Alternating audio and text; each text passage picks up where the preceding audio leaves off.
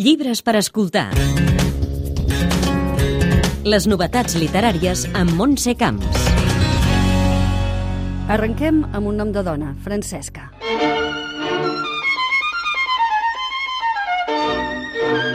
El poeta i arquitecte Quim Espanyol s'estrena en la novel·la en Francesca, publicat per edicions de 1984, que es presenta com la història d'un assetjament psicològic.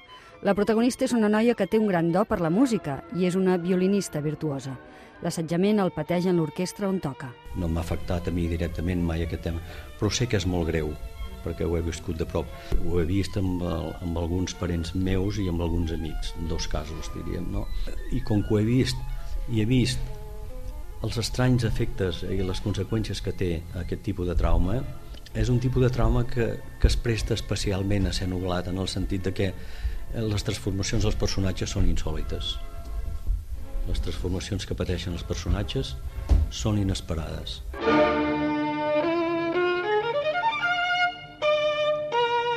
La bellesa en B alta i en B baixa i la decadència d'una família són altres temes de l'obra, que està escrita de manera cronològica, que fa de molt bon llegir, amb una estructura polida i molt treballada que denota el gust per la precisió que té també per la seva professió d'arquitecte. Però alhora traspua l'ànima de poeta de l'autor, que diu que s'ha sentit una mica estrany amb aquesta primera novel·la.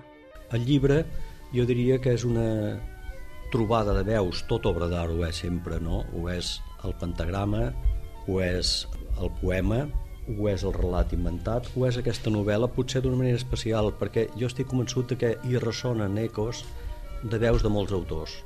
Quim Espanyol, autor d'Ultralleugers, Premi Carla Riba de Poesia, o L'Arbre de la Innocència, primer premi dels Jocs Florals de 1998, parla aquí de l'assetjament a una persona, però no amaga que se'n pot fer una doble lectura situant-lo en un àmbit més general i actual. Hi ha persones que ho poden veure com una metàfora, és cert, Ara, les intencions de l'autor sempre han de quedar amagades. All of my mouth was kissing L'editorial Nòrdica Libros, especialitzada en literatura feta des dels països nòrdics, està més d'actualitat que mai, perquè aquest any Noruega és el país convidat a la Fira de Frankfurt.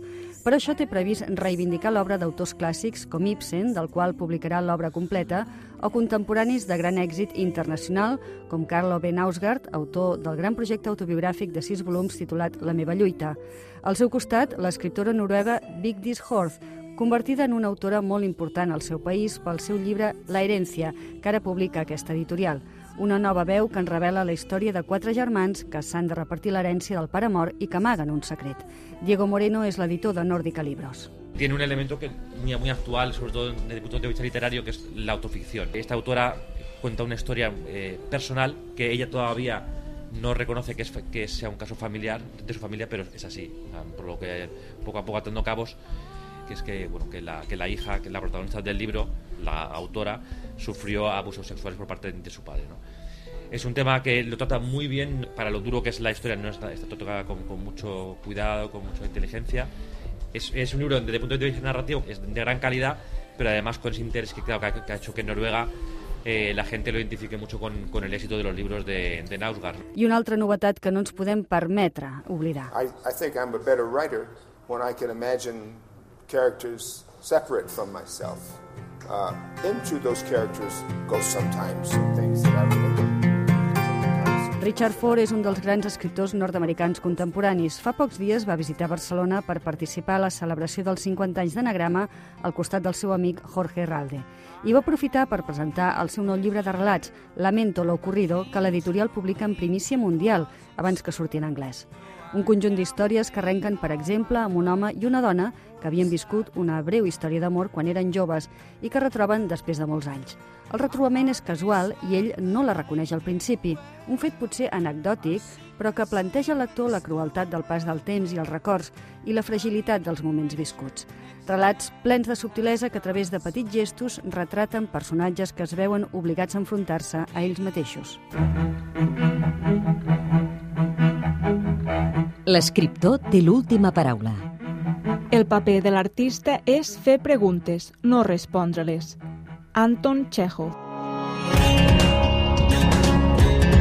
Llibres per escoltar. Les novetats literàries amb Montse Camps.